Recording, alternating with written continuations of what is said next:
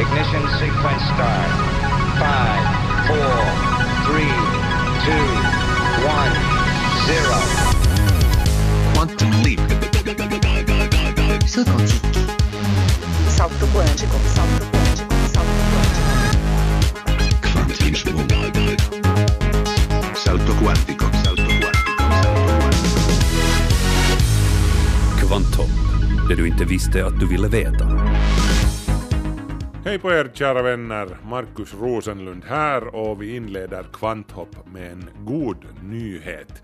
Mer än 20 år och 9 miljarder dollar senare är Hubble-teleskopets efterföljare James Webb Space Telescope nu äntligen färdigt. Det avtäcktes i onsdags på NASAs Goddard Space Flight Center i Maryland, USA. James Webb med sin 6,5 meters guldöverdragna spegel kommer att erbjuda vyer mot kosmos som vi inte ens kan föreställa oss i det här skedet. Eh, jag vet inte med er, men jag räknar bokstavligen ner dagarna som återstår till avfyrningen i oktober 2018. Eh, måtte den gå lyckligt, det är allt jag kan säga. James Webb-teleskopet kommer att ligga på andra sidan månens omloppsbana i den så kallade Lagrange 2-punkten. Det här betyder att då teleskopet en gång avfyras så kommer man inte längre åt att göra service och reparationsarbeten på det i motsats till Hubble som kretsar kring jorden och som man har fixat och förbättrat otaliga gånger. Så vi håller tummarna för att allt går bra. Nåjo, nog om det nu. I den här veckans kvanthopp ska vi slå hål på myten om att det är de unga som kan allt om IT, medan vi medelålders står där med tummen mitt i handen. Det är snarast tvärtom, säger professor Alf Rehn. Hemma hos oss så finns det, så är ju liksom det trådlösa någonting mina barn utgår från ska funka och när jag sen förklarar att de skulle kunna starta om routern ser de på mig som ett par frågetecken och undrar vad fan en router är för någonting. Jo, det låter bekant det där också från vår adress. Eh, tänk dig att du köper en pryl som du kopplar upp på webben där hemma. Internet of things, du vet. Prylarnas internet. Snart är alla våra hushållsapparater uppkopplade och de är ofta väldigt dåligt skyddade med lösenord som vem som helst kan googla fram. Och många tänker ju att ja men internet det är ju så stort med miljarder IP-adresser, varför skulle någon bry sig om mitt uppkopplade kylskåp? Eller vad säger Alexander Granholm, Svenska Yles IT-expert? Ja, no, det är väl ungefär samma som att lämna dörren olåst till sin, eh, till sin lägenhet i ett stort höghus och konstatera att det är så många dörrar där att inte det väl någon som bryr sig om min dörr. Anna till Kvanthopp den här veckan. Vi ska tala om plastpåsar som har blivit ett av vår tids största otyg och följaktligen förbjuds de nu i land efter land världen över. Eller är det ett så stort miljöproblem som det sägs? Det ska vi fundera på idag.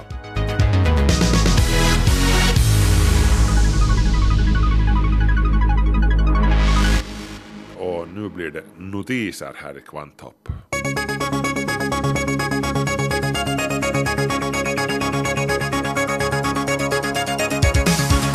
Elbilar börjar ju så småningom bli vardagsmat, men var är alla elbåtar? Och då talar jag inte om de små elsnurrorna utan snabba, planande båtar. Var den första eldrivna stora bustern? Nå, den finns helt enkelt inte ännu. I Sverige, där finns det däremot någonting ditåt, åtminstone på ritbordet. Candela heter den båten. Den är 7,5 meter lång. Kolfiberskrovet väger bara 280 kilo. Den har en topphastighet på 25 knop och bäst av allt, den ska ha en räckvidd på 60 sjömil på en laddning. Projekt Candela har nyligen fått 5 miljoner kronor av den svenska energimyndigheten för vidare utveckling. Det finns en stor potential för att den eldrivna båten ska vara attraktiv på en bred marknad, vilket kan bidra till en minskad användning av fossila bränslen, så säger Energimyndigheten i ett pressmeddelande. Ja, inget klottande med bränsle, det är ju bra, men det som tilltalar mig mest med en elbåt är nog tanken på att den är helt tyst. Det enda du hör är havets brus och måsarna där du forsar fram i 25 knop. Buster, vi väntar nu på ert svar på det här. Dieselbilarna tappar terräng här hemma enligt ett pressmeddelande från Bilbranschens förbund. Av alla nyregistrerade bilar hittills i år har en tredjedel varit dieseldrivna, vilket är en kraftig minskning från toppåren 2008 till 2009 då nästan hälften av alla nya bilar i Finland var dieseldrivna. Orsaken till att dieseldrivna bilar inte säljer som förr är den allt mindre prisskillnaden mellan diesel och bensin samt de allt bränslesnålare bensinbilarna. Du måste verkligen köra mycket årligen om det ska löna sig att äga en dieselbil numera. Om dieselbilarna inte säljer som smör längre så går det desto bättre för cityjeeparna av alla sålda bilar i Finland var 22% cityjeepar nu i år, en klar ökning från i fjol. De så kallade laddhybriderna, de där som man pluggar in i väggen, går det också ganska bra för. Där ökade försäljningen från 400 till 1100 registrerade bilar på ett år. Elbilarna, de som drivs helt och hållet på el, gick det däremot sämre för med aningen färre registrerade nya elbilar jämfört med i fjol. Facebooks aktie sjönk rejält på börsen när företaget presenterade sin delårsrapport tidigare i veckan. Det här trots ett starkare resultat än väntat. Vinsten ökade med 166 procent och omsättningen med 56 procent det senaste kvartalet. Det som gav investerarna skrämselhicka var att Facebook meddelade att gränsen börjar vara nådd för hur mycket reklam man kan mata in i folks flöden.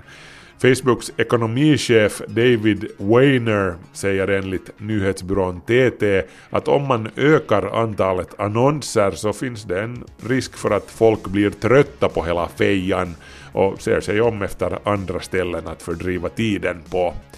Han menar att Facebook därför måste se sig om efter andra sätt att raka in cash på, som till exempel att utöka användarbasen, få in mera folk.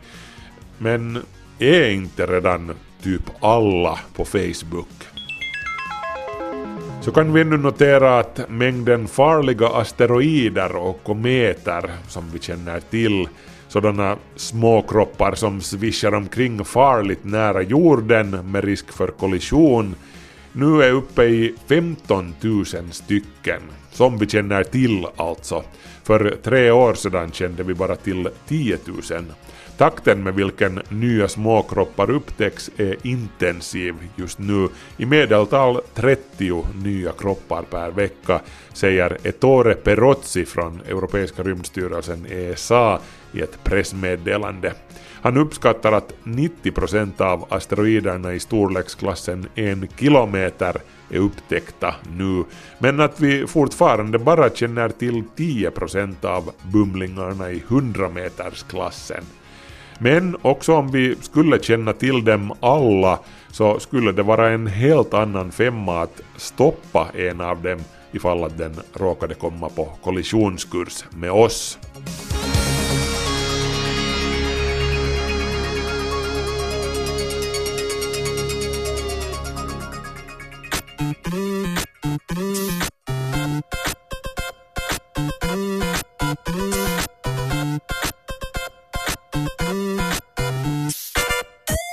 Är ett tudelat folk på många sätt och vis, men också när det kommer till digitala färdigheter. Det finns vissa som rör sig som fisken i vattnet i den nya digitala verkligheten när allting är online. Men sen finns det också de, de som står där med tummen mitt i handen. Ofta säger man ju att det här är en generationsfråga. De unga kan, de äldre kan inte. Men Alf Rehn, professor i företagsekonomi vid Åbo Akademi, han köper inte den här förklaringen. Det finns ju en problematiskt antagande gällande ungdomen och det digitala där vi ganska starkt romantiserar eh, den tidigare. Det vill säga det finns ett, en idé om att på grund av att ungdomen har växt upp med de digitala verktygen att det automatiskt därmed skulle vara utmärkta användare och, och djupt förstå detsamma. Men, eh, men det här är nog ett, ett problematiskt antagande, ett svårt antagande för det här faktum är att många av den så kallade digitala, liksom, eh, det digitala ungdomen, så de har ju växt upp med tekniker som, och apparater som är så enkla att använda, så självklara, så, enk, så liksom lätta att de helt enkelt inte ens nödvändigtvis förstår vad det är som händer bakom då de glatta glasytorna. Så ibland kan det mycket väl vara så att vi medelålders faktiskt förstår oss på IT bättre än de som har växt upp med densamma. Ja, så kan vi tacka Bill Gates och hans, hans för jag menar på vår tid eh, så följde det ju en hundrasidors manual med allting som man mer eller mindre var tvungen att läsa för att överhuvudtaget kunna använda någonting. Var det, var det egentligen bra det kan man säga? Nu, nu tror jag det fanns någonting väldigt bra i det faktum att vi som först liksom lärde oss använda Sinclair Spectrum 48K eller Commodore 64 eller för den delen VIC 20. Så vi måste ju koda för att få några saker att fungera. Vi måste förstå liksom hur saker hängde ihop och eh, vi som ännu kommer ihåg saker som Eh, det de klassiska modemen och bulletin board systems lärde oss också förstå internet på ett faktiskt djupare plan än, än det som, eh, som bara har lärt sig att man klickar på en ikon och sedan funkar allt. Så visst, eh, det, det, har, det, finns en, även ett pris vi betalar från den extremt lättanvända digitala tekniken av idag. Mm. Och det här har sen lett till att vi är hela familjens datastöd när det behövs. Hur är det, vad har du själv för erfarenhet när wifi äh, trillar omkull hemma hos er? Hemma hos oss så, finns det, så är ju liksom det trådlösa någonting mina barn utgår från ska funka och när jag sen förklarar att de skulle kunna starta om routern ser de på mig som ett par frågetecken och undrar vad fan en router är för någonting. Uh, så visst, visst eh, är det ju så att de digitala nativa eh, är samtidigt digitala idioter. ja, hälsningar bara till, till mina barn om ni lyssnar på det här också. Äh, men vad kan det här ha för konsekvenser om vi tänker på att det har uppstått en sån här klass av digitala nyhjälplösa? Vad, vad, vilk, vad, är det, vad väntar de i framtiden? Alltså, här är, finns ju den risk att vi, vi ser så att säga en, en ganska distinkta klasskillnader där så att säga, de digitalt hjälplösa blir mer och mer beroende av en mindre och mindre grupp digitalt kunniga. Och ja, det är därför jag tycker det är väldigt viktigt att man har ordentlig IT-undervisning i skolan. Inte bara en sån där hej lek och lär med Wikipedia utan en där man faktiskt går igenom vad är det som krävs för att ett nätverk fungerar. Vad är, det för liksom, vad är hårdvaran i en Eh, dator. Eh, att lära sig bygga en dator är faktiskt ofta mycket mer hjälpsamt än att lära sig skriva ett par rader kod. Men det här är ändå saker som inte brukar tas tillvara för det låter inte lika digitalt. Det är inte liksom lika hippt och sexigt. Uh, vilket nog kan uh, i förlängningen leda till en hel del problematiska konsekvenser.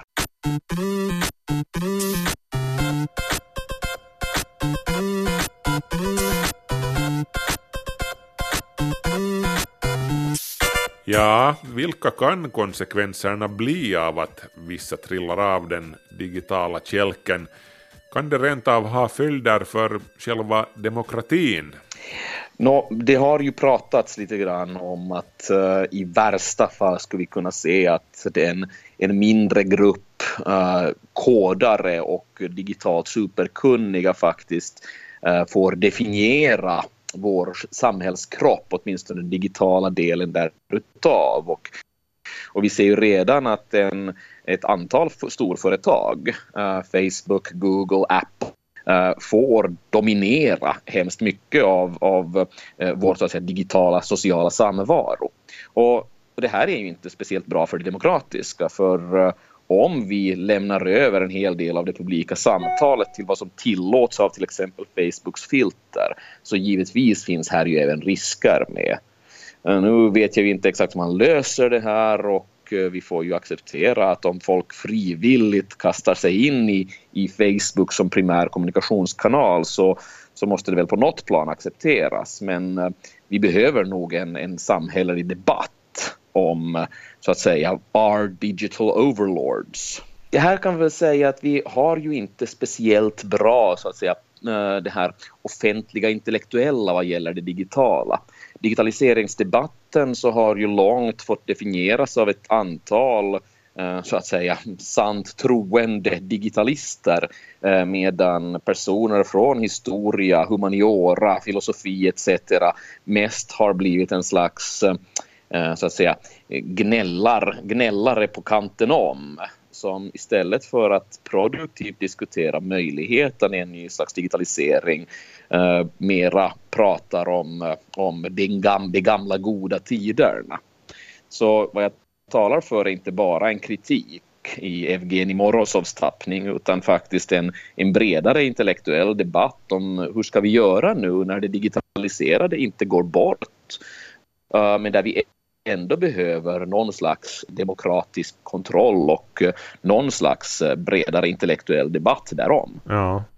Okej, no, men till slut ännu, eh, vi har talat om, om vår generation, jag och du, vi hör ungefär till samma generation, vi har talat om de yngre, men, men hur är det vår, våra föräldrars generation, 60-70 plussarna, Eh, hur, är det, hur är det med dem? Får de sina digitala behov tillfredsställa i det, i det här laget? Och om inte, hur kunde vi hjälpa dem? Där, tror jag, där är inte jag så, så särdeles pessimistisk. Jag ser på min egen mor eh, som nog glatt leker med sin tablet och eh, som ju nog har tid och även intellektuell förmåga att så att säga klura ut det på egen hand. Jag är mera oroad för, för vår generation som mitt i all stress ska då försöka hinna med även eh, allehanda sociala medier etc. Jag, jag har en stor tilltro till 60-70-åringarnas förmåga att lära sig och att utnyttja sin tid till att, eh, så att säga, ta ett nytt grepp, ett nygammalt grepp kring det digitala. Mm, så de är inte så ömma i det här fallet som, som man kanske ibland tänker sig att de vågar kasta sig ut? Jag tror idén, idén om den så att säga digitalt helt okunniga mormorn och farbrorn där ute så, så den tror jag nog är, är eh, till en del lite det här eh, översittaraktig. Vi ska nog ha en tilltro till att de som byggde vårt land nog ska klara av Facebook också. Precis samtidigt så här ska vi nog komma ihåg att eh, fastän det är lätt att prata om digitala ojämlikheten över, över åldrar så ska man ju komma ihåg att här även finns en socioekonomisk dimension. Eh, fattiga barn har svårare att ta till sig digitala och eh, utvecklingen där i än, än liksom medelklassens slynglar. Och när det gäller så att säga, de digitala åldringarna så ska vi komma ihåg att den en åldring som inte nödvändigtvis har, mat, har råd med både mat och medicin så kanske inte äh, kastar sig ut på, på en tablet det första den gör. Så att det här, även här ska vi nog komma ihåg att det ekonomiska och fattigdomen styr fortfarande mycket i vårt land.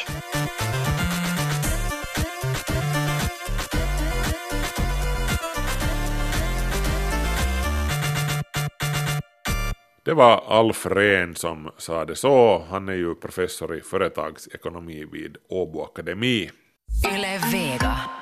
Som sagt, Alf Rehn menar att den riktiga IT-kunskapen sitter i oss medelålders så jag är nog lite böjd att hålla med honom där till en viss gräns i alla fall. Nu kan de, de unga också. Vi ska höra faktiskt nu ett par ungdomar som, som berättar om sin syn på det här. Uh, vad kan man göra för att öka det praktiska kunnandet gällande teknik. Jag menar, vi ska nog inte bry oss om vem som är bättre och vem som är sämre. Hur ska vi kunna göra så att alla vinner? Vem kan hjälpa vem med telefon, dator och digitala tjänster? Uh, Ulrika Fagerström gick ut på stan för att få lite svar på det här och träffade där 16-åriga Oskar Westerholm och 17-åriga Kristoffer Bong. När det är någonting som strular, så vem har ni som ni kan fråga? Att, Google. Du googlar, du googlar det. Du hittar svaret 99% av tiden. Okej. Så gör jag i alla fall. Okej. Men om vi tar så här konkret, telefonen, det är någonting med telefonen. Så. Så det där, om du har förstått något, att, att du vill ha något fel, att du liksom, det är om du trycker på den här knappen, och din telefon går på, så googlar jag först liksom, att vad den heter, telefonen, sen troubleshoot. Och så brukar man hitta lösningar på det sättet. Att det fungerar för mig i alla fall jättebra. Okej. Nå, vi tar någon sån här digiboxen, den, den kanske inte man tänker så mycket på nu för tiden men det var, för några år sedan var det alltid digiboxen. Men, Nå, kanske man tar fram manualen och försöker själv, men om i värsta fall så ringer man ju till någon sån här dude som kan komma och fixa det. Nu hittar man ju det också på Google, att allt, Ja. allt hittar du i dagens läge där nu för tiden. Att, men jag är ute efter liksom någon människa men det finns ingen människa att fråga längre, ni frågar bara Google. Alltså, no, jag tänkte just att, att, nu- att sen, sen så här sista fasen så kan man ju ringa till någon så här professionell som just specialiserar sig inom den där, inom den branschen. Men det är helt så här sista optionen. Okej. på varifrån du har köpt den. Att, till exempel har du köpt den från Verkkokauppa så kan du ringa dit. Att det är ju det, är det som han har sagt, det är sista fasen är sen oftast att man ringer just någonstans. Ja. Okej, nu det är ju helt vettiga saker som ni säger, men om man tänker då att det skulle vara någon människa liksom att på det viset att vem är de som kan och vem är de som inte kan eller så här att, att för vem, för er, vem är, vem är experter liksom i era teknikfrågor? ja. du? Om du vänder dig till en människa så att fråga om telefon eller dator eller digitala tjänster eller? Storebror är en, så, en som jag skulle mest lita på. Just det. Ifall han vet någonting så liksom, honom skulle jag säkert fråga först som en människa. Och varför kan han alltså grejer? För att han har googlat. Han har googlat allt och han har gått igenom samma problem och det är oftast en äldre, liksom en person som är äldre än dig har säkert gått igenom samma problem.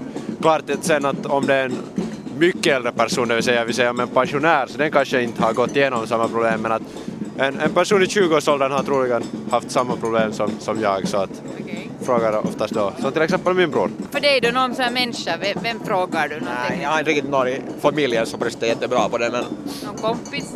Nej, inte, inte egentligen. Jag brukar bara googla själv liksom. Då tycker ni överlag att ni är bra på teknik sådär Anna? Ja, ja, jag tycker jag är ganska bra. Jag är inte, jag är inte med Kristoffer. Kristoffer har lite så här bristfall inom det. och då. Har ni någon gång upplevt att ni själva har varit den som har kunnat hjälpa andra med teknik då? Och vem, då, vem har ni i så fall hjälpt? No, föräldrar kommer liksom först där i, i bilden i sådana saker. De kommer att fråga hjälp nu strular wifi och sånt så de kommer alltid att fråga av oss. Så Då brukar jag hjälpa till. Föräldrar, kompisar, skolan. Ofta är det ju äldre personer som frågar. Nu är det från, från släkten så mor, äh, vad heter det nu, morfar är väldigt vanlig att fråga hjälp om just telefonen och nu lärarna också har frågat ifall det är någon i klassen som vet hur man får datorn att fungera så att nu har man hjälpt mycket, mycket med de här datorerna. Vad tycker ni om en sån här idé? Jag funderar, det brukar vara såna skolfarmor och mormor och såna i skolan. Vet ni, som brukar vara för att visa hur det är att vara äldre typ eller sådär. Och sen så är det ju en massa som ni i skolan som kan en massa teknik. Att skulle det vara en idé att sammanföra just att man skulle bjuda in äldre till skolan och de skulle liksom bjuda på sitt liv och så här och sen skulle ni och yngre kunna bjuda på att vettiga sätt att använda teknik. Jo, no, det brukar i alla fall där i Grankulla så finns det en här Märtaförening så där, dit har det kommit några. Har min mormor sagt i alla fall att det har kommit någon dude dit och berättat att, att hon ska fixa olika saker inom teknik. Så att, ja, men de skulle kunna göra det helt bra. Det skulle vara roligt. Uh, jo, det låter bra men att nu tycker jag också om det där att, att just när morfar frågar, frågar mig av hjälp att det ger lite sån här egen tid med, med de där morföräldrarna så att och, om, om man har barnbarn så fråga dem först för att det, är- det är helt roligt faktiskt och, och speciellt får just de där barnbarnen lite vara stjärnorna ibland och visa att, att, att det är de som kan någonting. Att den här generationen är inte helt, helt åt skogen. Ni låter ju faktiskt som ni skulle kunna en massa saker och då kommer ju bli frågan den att hur kommer det sig att, att just ni kan, för ni sa att ni behöver inte egentligen fråga någon men alla frågar er. så hur kan ni? No, jag är ganska intresserad i alla fall inom teknik och också Kristoffer är ganska så att äh, vi har nu bara lärt oss själva att inte det finns någon riktigt annan, annan förklaring till det. Vilken väg har ni lärt er då? No, olika, no, genom googlande, att alltid jag har haft problem så är jag bara googlat fram det och liksom varit intresserad, nyfiken helt, nyfiken helt, ja. Men har- har du varit en sån att du har börjat med teknik när du var liten liksom och pynja och skruva ihop och isär och sånt här eller? Nå, i- nej inte riktigt, det har kommit med tiden. Ko- kommer främst från det att vi båda spelar ganska mycket och där måste man ju kunna, där måste man kunna om tekniken, speciellt på datorn. Att är det något som händer till datorn så, så just att om min, min bror har kunnat hjälpa mig så jag måste själv fixa problemet. Och då har jag googlat det, då har jag lärt mig att, att det tror jag därifrån Oskar också har lärt sig att vi, har- jag började spela sen en tidig ålder, att, att samma med Oskar att, och det har hjälpt massor. Du hörde Oskar Westerholm och Kristoffer Bong utanför järnvägsstationen i Helsingfors tidigare i veckan. Det pågick ett evenemang där bredvid med musik därav trummorna. Uh, Ulrika Fagerström var det som intervjuade. Yle Vega. Det sägs ju att vi håller på att översvämmas av plastpåsar. Men faktum är att vi är ganska måttliga i vårt plastpåseanvändande, åtminstone här i Finland. Då medeltalet för EU ligger på cirka 200 påsar per person och år så är medeltalet i Finland cirka 55 påsar per person och år. Men genom ett nytt frivilligt avtal mellan handeln och miljöministeriet som tidigare i veckan undertecknades så är målet att få varje person att låta bli ytterligare tio påsar per år. Miljöminister Kimmo Tiilikainen var en av dem som höll i pennan vid påsavtalet. Ja, jag använder eh, dem, men jag försöker att eh, använda dem många gånger, så jag tar den, den gamla bussen när jag går nästa gången till eh, butiken. Miljöminister Kimmo Tiilikainen är som vi andra använder plastpåsar i butiken, åtminstone ibland. Men som han sa, han försöker köra flera varv med samma påse, om möjligt. Plastskräp som dräller i naturen är ju till skada för till exempel fiskar och fåglar. Och att minska mängden använda plastpåsar är ett led i att minska plastavfallet överlag. Initiativet kommer egentligen från ett EU-direktiv om en minskad plastpåseanvändning, men förverkligande sker inledningsvis genom ett frivilligt avtal mellan miljöministeriet och handelns intresseorganisation Finsk Handel. De närmaste tio åren ska handeln jobba för att få ner snittanvändningen på cirka 55 plastpåsar per person och år till cirka 40 påsar per person och år. Det så kallade Green Deal-avtalet skrevs under på en pressinformation på måndagsmorgonen.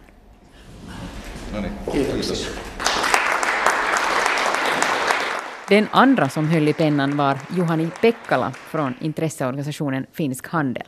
Vi ska minska mängden av plastpåsar och vi ger information eh, till konsumenter varför inte använda plastpåsar så mycket och varför ha kanske alla andra alternativ för plastpåsar, till exempel textilkassen och så vidare. Så, så där finns eh, alternativ.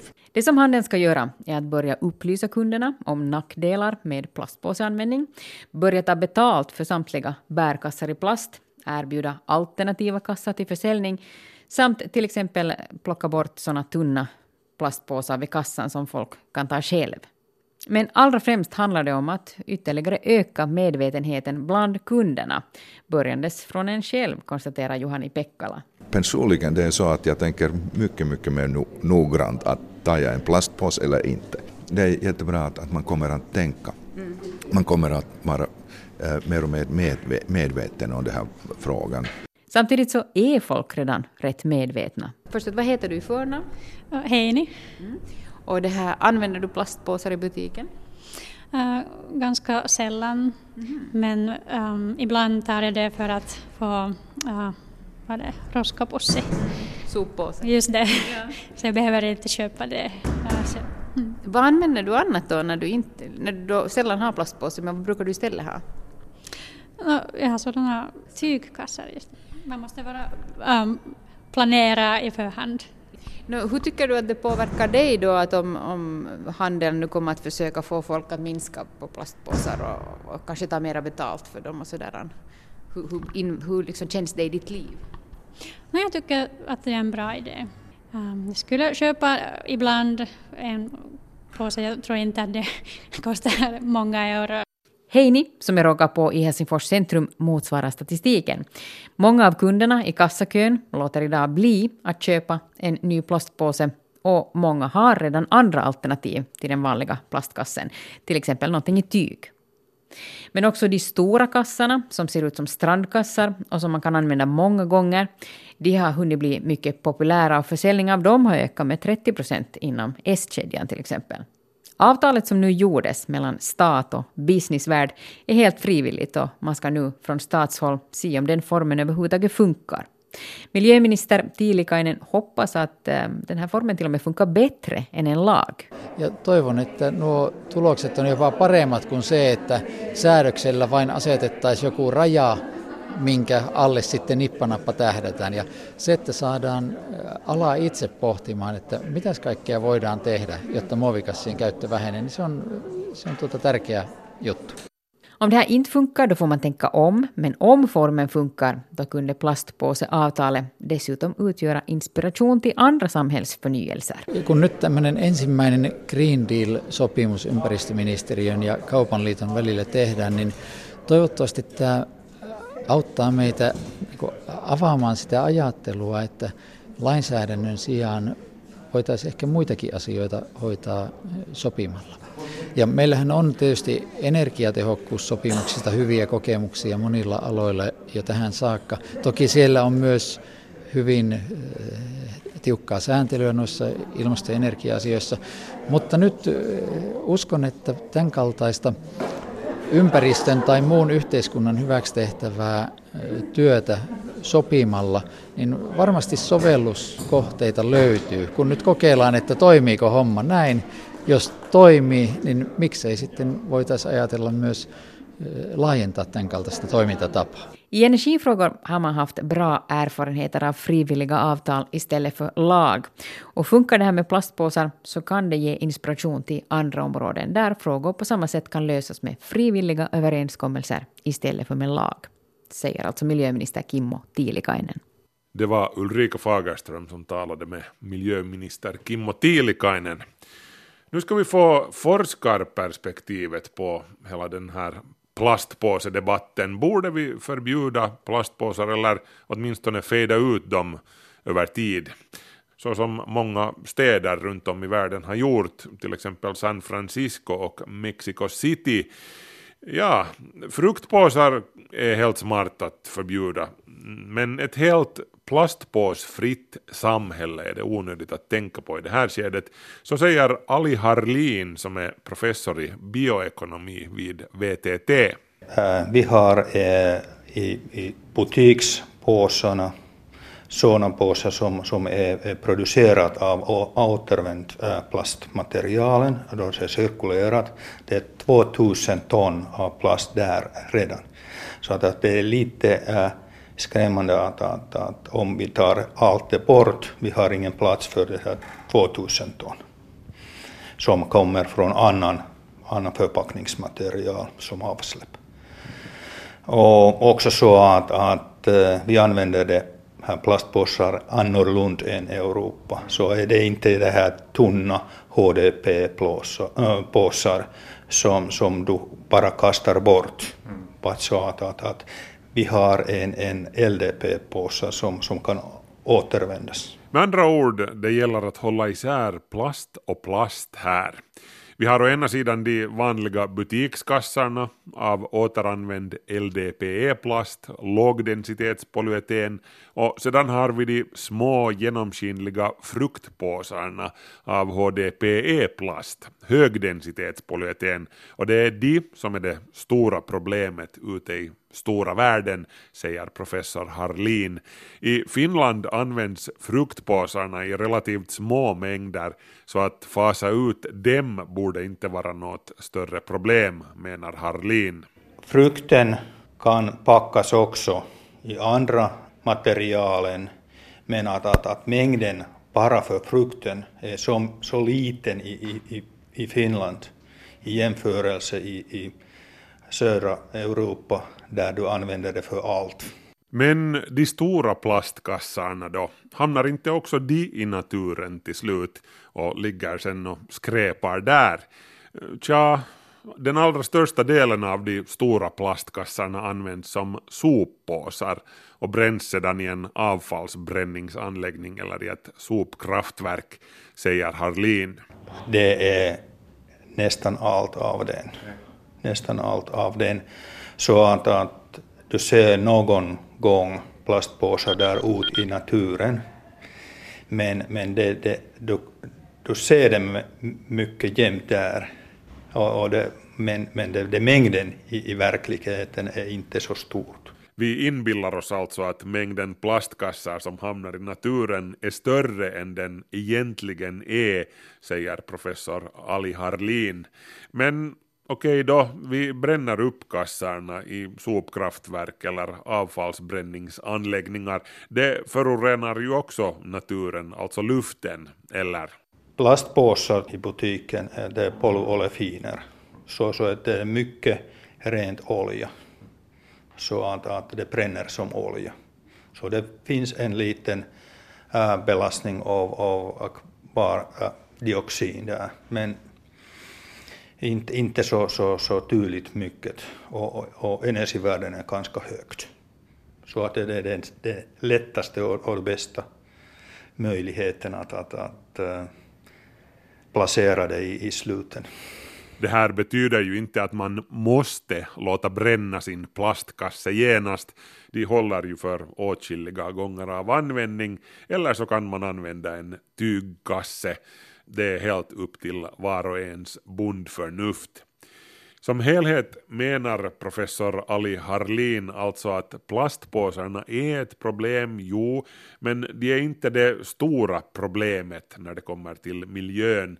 Plastkassarna, alltså butikskassarna, har utvecklats helt enormt sedan 80-talet, menar Harlin. De är mycket mer skonsamma för miljön numera och kan brännas med relativt gott samvete.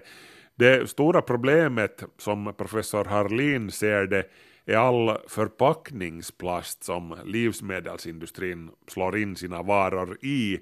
Där behöver det ske en utveckling mot betydligt mindre slit och slängförpackningar och större återanvändning. Industrin måste hitta ännu äh, sig effektivare väg att, att äh, ta hand om, om logistiken och minska avsläpp från, från de verkliga materialen och förpackningsmaterialen är en, en mycket stor del av den. Där vi måste hitta nya äh, materialen som, som är mera effektivt för naturen och också för användningen än, än plast. Den här intervjun med Ali Harlin, professor i bioekonomi vid VTT, var gjord av Freddy Wahlström. Yle Vega. Kvanthopp så heter alltså programmet som du lyssnar på just nu. Och nu ska det handla om hot mot vår cybersäkerhet som vi själva drar över oss. För några veckor sedan slogs stora delar av den amerikanska webben, lite av resten av världens webb också, ut av en attack där en grupp hackare utnyttjade vanligt folks uppkopplade prylar där hemma. Övervakningskameror, babyalarm, kylskåp, vad som nu folken har uppkopplat numera. Prylarna gjordes till elektroniska zombier så att säga, som blint anföll och bombarderade vissa centrala sajter och fick dem att kollapsa, till exempel Twitter låg nere.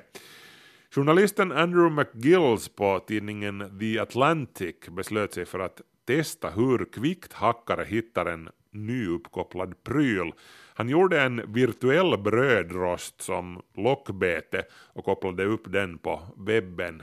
En vecka minst måste det ju ta innan de hittar den, tänkte McGills. Men nix, efter 41 minuter var den hittad och hackad. McGills själv var chockad över hur fort det gick. Men Alexander Granholm från Svenska Yles webb, han höjer inte på ögonbrynen då han hör det här. Ja, nu låter det ju väldigt realistiskt för att det här eh, problemet med de här eh, IoT-grejerna idag är att de har många, i många fall ett sådant här skydd för det, ett användarnamn, lösenord. Men eh, problemet är ju att de som köper de här grejerna aldrig byter om de där lösenorden till någonting eget. Så att vill man ha tag på ett lösenord så googlar man efter det och, och sen hittar du väldigt snabbt de här standardanvändarnamnlösenorden för vilken grej som helst egentligen. Mm.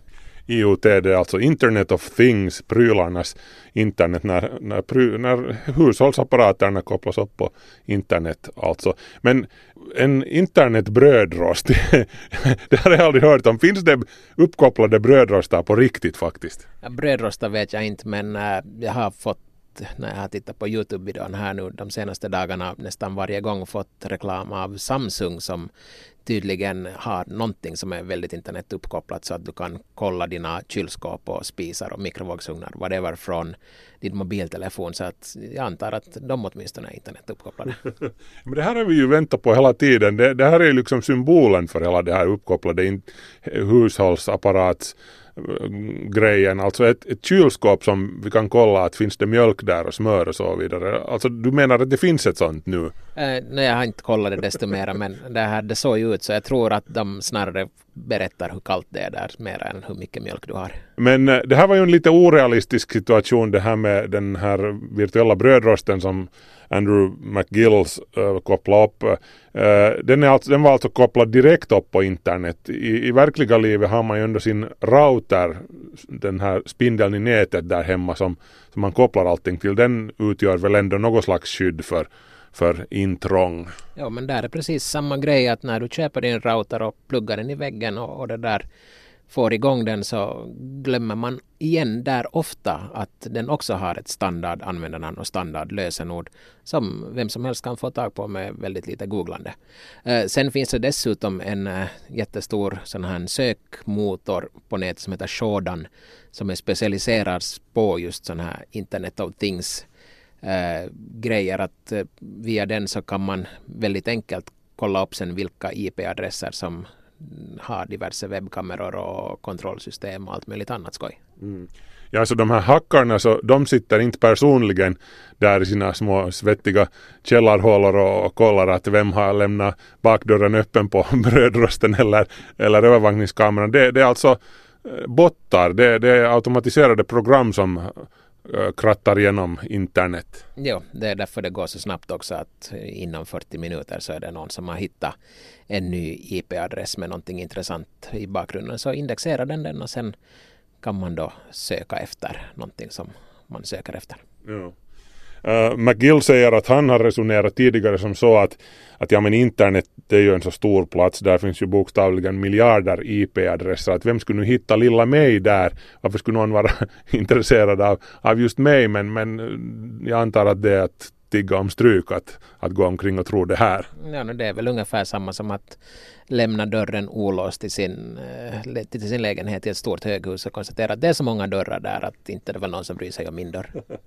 När man läser om hur det går till i USA, saker som det här till exempel, så, så slås man av tanken på att de, de är lite längre hunna over there än här. Jag menar, glöm nu uppkopplade brödrostar, men jag, jag, menar jag har ju ingenting till exempel annat som är uppkopplat där hemma utom min övervakningskamera, utöver mina datorer förstås. Men, men hur mycket sådana Internet of Things-prylar har folk i gemen i, där hemma? Har du någon aning om det? Jag tror det blir mer och mer att till exempel det som är väldigt populärt just nu är de här Philips Hue-lamporna som du kan styra från din mobil och, och det här då från varifrån som helst i världen tända och släcka lamporna där hemma eller då sköta om eh, värme och, och termostat och sånt. Så att det är nog på kommande. Eh, jag tror att orsaken till att det är längre hunnet, som du säger, over there, är just att de har mera sån här just eh, termostatstyrning på ett helt annat sätt än vi har i våra lägenheter. Och därför behövs det kanske en, en, då en möjlighet att använda eh, eller att styra den eh, från något annat ställe än hemifrån. Mm. Men bastu måste ju finnas som man kan koppla på via någon app varifrån man än befinner sig. Ja, det, det måste nästan göra. Jag har faktiskt inte kollat upp det heller men jag är rätt säker på att någon har hittat på en, en fjärrstyrd bastu också. Men som sammanfattning har man en sån här pryl så vad ska man alltså göra? Framförallt se till att lösenordet är uppdaterat eller att det, det är förändrat från det här, den här fabriksinställningen. Är det något annat man borde tänka på? Nej, det är nog det absolut viktigaste. Och framförallt alltså kolla upp då i routern till exempel om det finns grejer du kan stänga av som du inte behöver. Till exempel att eh, du inte kommer åt att använda det där deras admin interface annat än från den interna sidan av routern så att den inte syns utåt överhuvudtaget. Svenska.yle.fis egen IT-guru Alexander Granholm var det som lade ut texten där. Och Markus Rosenlund så heter jag som nu kan konstatera att vi har kommit till ändhållplatsen för det här kvanthoppet. Tills vi hörs igen, ha det så bra, hej så länge.